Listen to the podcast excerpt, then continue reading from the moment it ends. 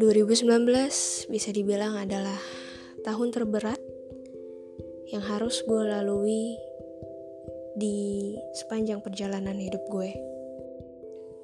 Tepat di usia gue yang hampir masuk seperempat abad. Seperempat abad tuh berapa? Hampir 25 tahun. Ya, gue masih terlalu dini mungkin di mata rekan-rekan gue yang saat ini masih dalam satu lingkaran pekerjaan.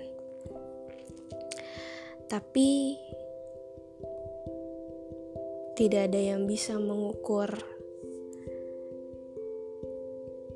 beban, tekanan, atau mungkin sudah berapa jauh gue atau kalian melewati masa-masa sulit dan bagaimana kita mengatasi itu semua.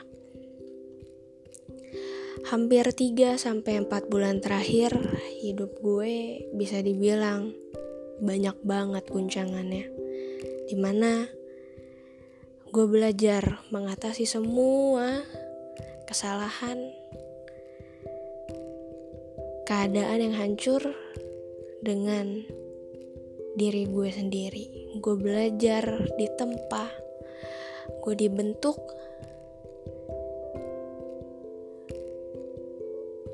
Tanpa harus membebani banyak orang. Walaupun kenyataannya satu atau dua manusia tentu gue repotkan untuk mencari jalan keluar.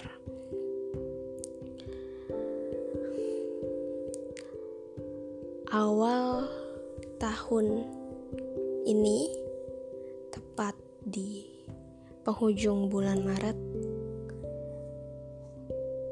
gue dipertemukan Tuhan dengan seseorang yang benar-benar mengubah cara pikir gue, pola hidup gue, cara gue beretika, menuntut kedewasaan gue, dan banyak hal lainnya.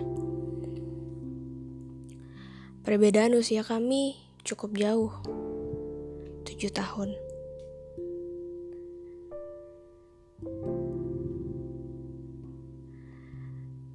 Gue gak akan bercerita bagaimana awal mula kami bertemu, lantas hampir genap satu tahun kami mengenal satu sama lain.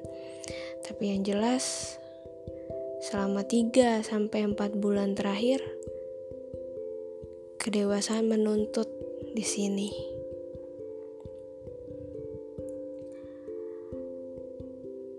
Tuhan sempat marah sama gue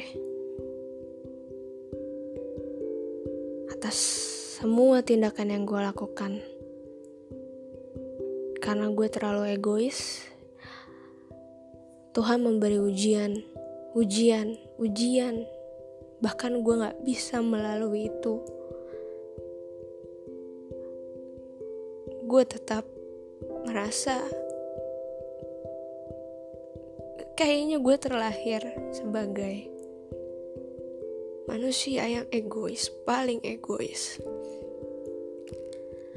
Sebenarnya gue gak mau cerita soal ini, tapi karena gue dapat beberapa dukungan dari teman-teman gue yang senang ngelihat gue nge-produce uh, vlog terus ngasih ide kenapa lo nggak bikin podcast? At least masalah lu yang sekarang menjadi hikmah bisa lo share dan bisa menjadi pelajaran bagi banyak orang. So gue pikir ya why not?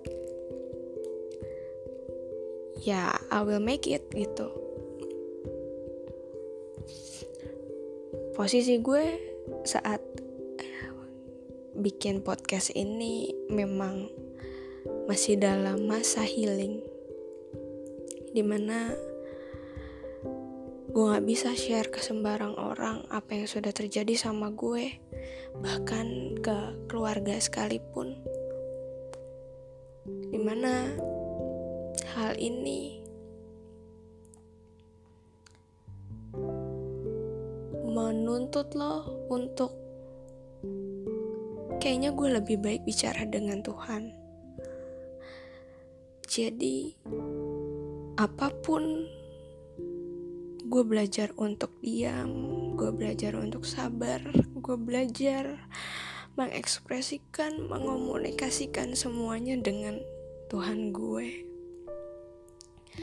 Di mana yang biasanya apa pun akan gue share pengalaman manis, pahit gue setiap harinya apa yang terjadi dengan hidup gue seminggu, dua minggu, hingga satu bulan terakhir at least dengan nyokap gue di rumah. Tapi untuk ini gue gak bisa sama sekali share ke ibu gue. Jadi gue bertemu sebut saja namanya biru. Kenapa biru? Karena apa lagi yang bisa gue gambarkan dari dia selain pembawaan yang begitu tenang di luar, tapi sangat mess up ketika lo tahu bagaimana bentuk dalamnya. September kemarin, gue sempat melakukan perjalanan lima hari berlayar di perairan Laut Jawa. Saat itu komunikasi kami terputus memang. Terakhir kami komunikasi, dia hanya mengucapkan selamat ulang tahun dengan gue. Tiba-tiba dengan sinyal yang kadang hilang muncul, masuklah satu pesan dari Biru. Biru bilang, bertanya, lagi ada di mana? Awalnya gue nggak mau ngasih tahu posisi gue di mana, karena sudah terbiasa dia menghilang tanpa kabar berminggu, berhari-hari.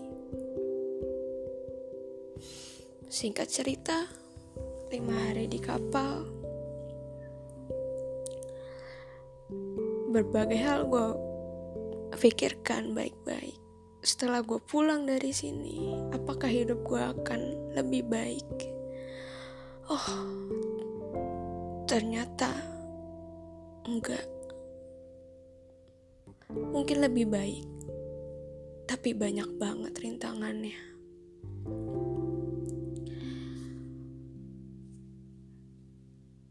Entah kenapa, tenang.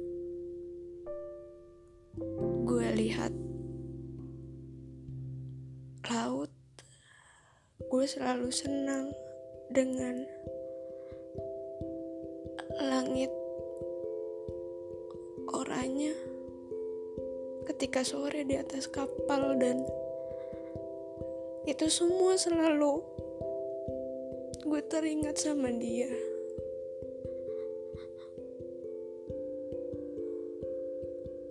Sampai akhirnya gue mengerti cinta kasih sayang itu abstrak. Perasaan yang sulit banget lo artikan.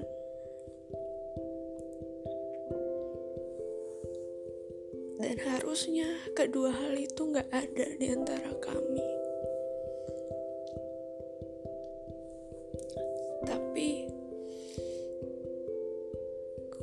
Belajar berdamai dengan perasaan gue tiap sore di atas kapal pada waktu itu. Sampai akhirnya kami bertemu. Usai gue melakukan perjalanan selama lima hari di atas kapal.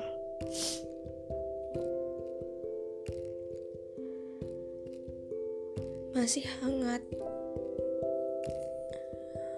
Aku tahu. Gue tahu dia rindu gue. Cuman ketakutan dinding yang selalu berada di tengah-tengah kami seolah semakin lama semakin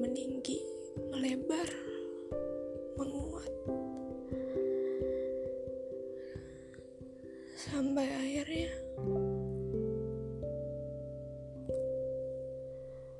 kami terbiasa bersama-sama.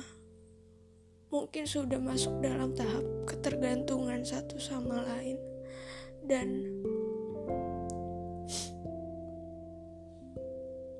apalagi yang bisa gue gambarkan soal sosok yang selalu menjadi penyemangat gue ketika gue mulai tertidur dan bangun dari tidur gue setiap harinya ya sekarang nggak lagi bisa ada untuk gue selamanya. Mungkin lo akan sulit menemukan poin dari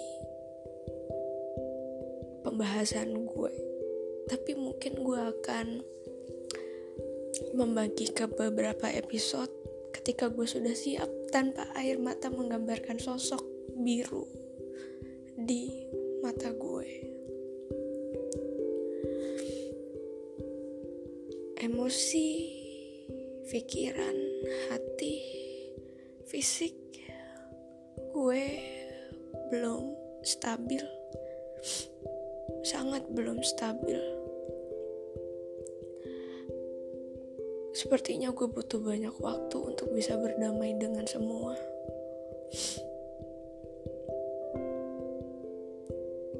Pesan gue untuk kalian yang dengar podcast gue yang mungkin masih menggantung sebenarnya apa poin yang gue bicarakan. Satu hal, ketika lo sadar melakukan kesalahan di awal, ketika lo tahu lo sulit mengendalikan kekurangan dalam diri lo dan Tuhan sudah menegur lu perlahan di awal. Gue cuma pesan, dengar isi hati lo baik-baik. Gue tidak mau mas banyak orang lainnya yang merasa menyesal, sakit, yang begitu dalam lagi dari gue. Sampai jumpa di podcast selanjutnya dan terima kasih yang sudah mendengarkan.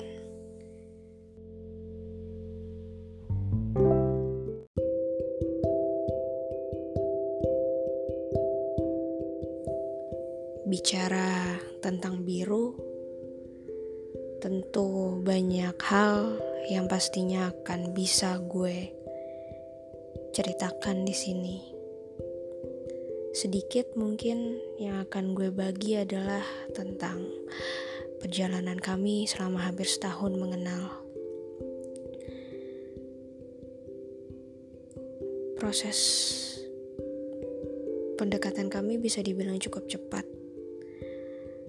Ketika pertama kali kami saling berbicara, mengobrol, tukar pikiran, berbagi cerita, hingga berbagi emosi. Rasanya seperti saling melengkapi aja gitu.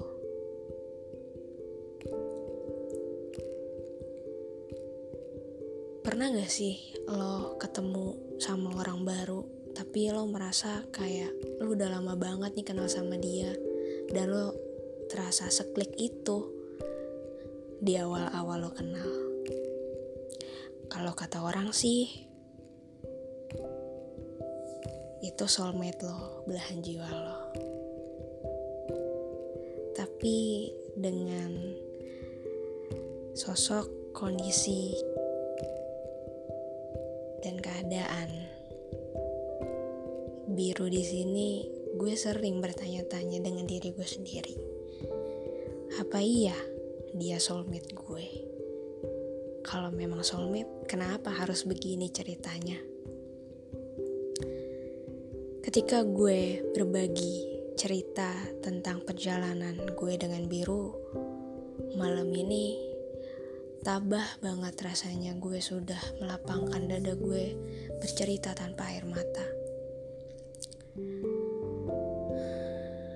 Banyak perbedaan di antara kami sejujurnya.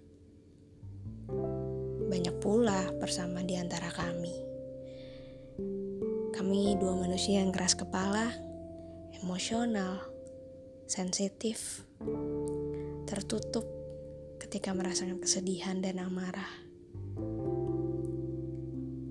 Selalu mencoba mengerti dan mengalah. Sebenarnya banyak persamaan kami. Perbedaannya pun banyak.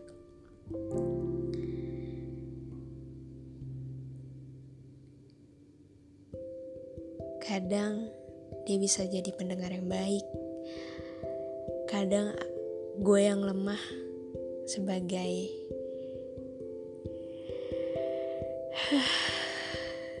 kadang gue lemah untuk memberikan saran dan masukan ketika dia bercerita.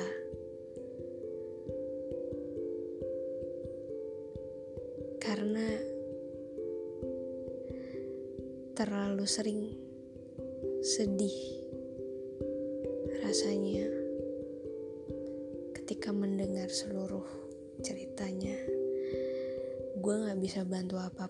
dan hanya dia sebenarnya yang tahu jalan keluar so sometimes gue berusaha untuk jadi pendengar yang baik juga buat dia. Ya begitu. Dia yang kadang mudi banget. Gue yang kadang sensi banget kadang gue orang yang meledak-ledak. Dia kadang orangnya yang bisa abis ketemu gue seneng. Setelah itu dia bisa awkward dengan perasaannya. Itu. Hampir satu tahun gue dealing with this guy yang kayak gini gitu. Kok bisa? Pertanyaan gue dari awal, kenapa sih Tuhan harus mempertemukan kami?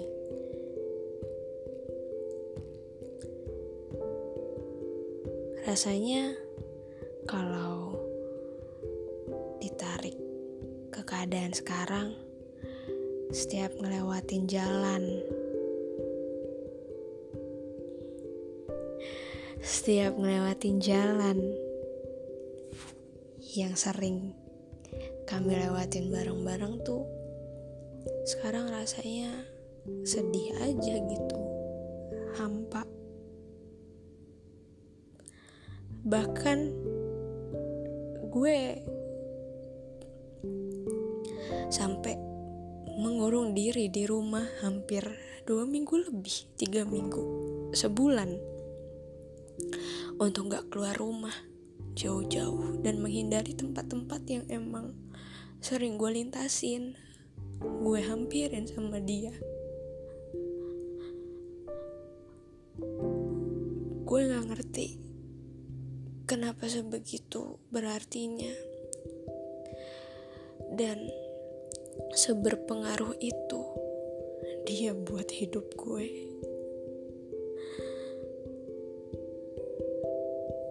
Gue gak peduli someday dia denger ini terserah. One thing menahan semua sendirian ngadepin semua sendirian itu nggak mudah. Sangat nggak mudah. Dan gue rasa gue pun gak bisa lama-lama ngurung diri. Gue terus-terusan terpuruk even ya gue masih dalam rasa sedih yang menggunung. Tapi hidup gue terus berjalan. Banyak yang nunggu banyak hal yang harus gue urusin di depan. Dan gue nggak tahu gue bisa atau enggak jalanin ini dengan kondisi gue yang masih ya masih setengah. Setengah sehat ini.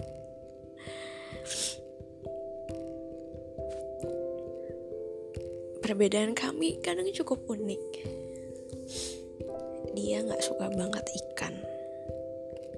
Oh gue kebalikannya.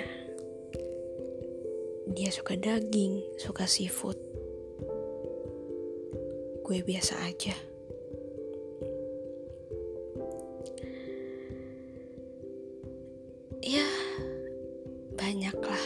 sebenarnya perbedaan dan bisa dibilang perjalanan kami kenapa bisa adanya kami setelah gue pikir-pikir, bukan karena satu pihak aja yang bekerja dan menginginkan, tapi ternyata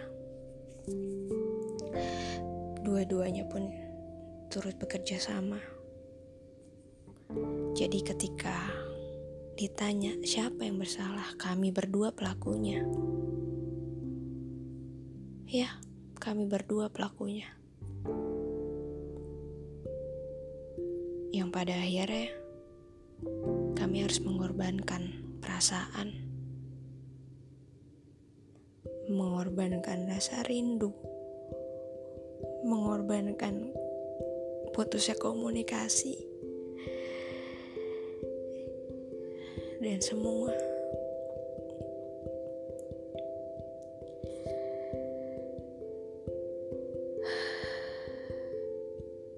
Sebenarnya gue bingung apa yang mau gue share di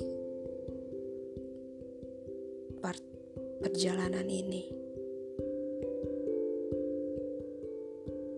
karena begitu banyak cerita-cerita yang ini kayaknya better gue keep sendiri dan gue gak mau banyak ngeluarin air mata lagi saat ini untuk bercerita.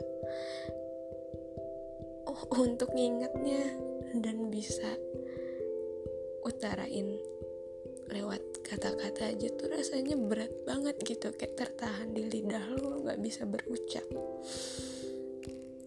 tapi yang jelas ketika lo tanya kok bisa lo sesayang ini. Kalian bisa sedalam ini jatuh cinta. Karena kami menikmati perjalanan. Kami lakukan ini bersama. Kami ikhlas menjalaninya.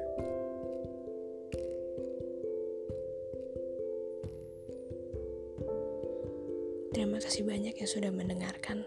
Sampai jumpa di podcast gue selanjutnya.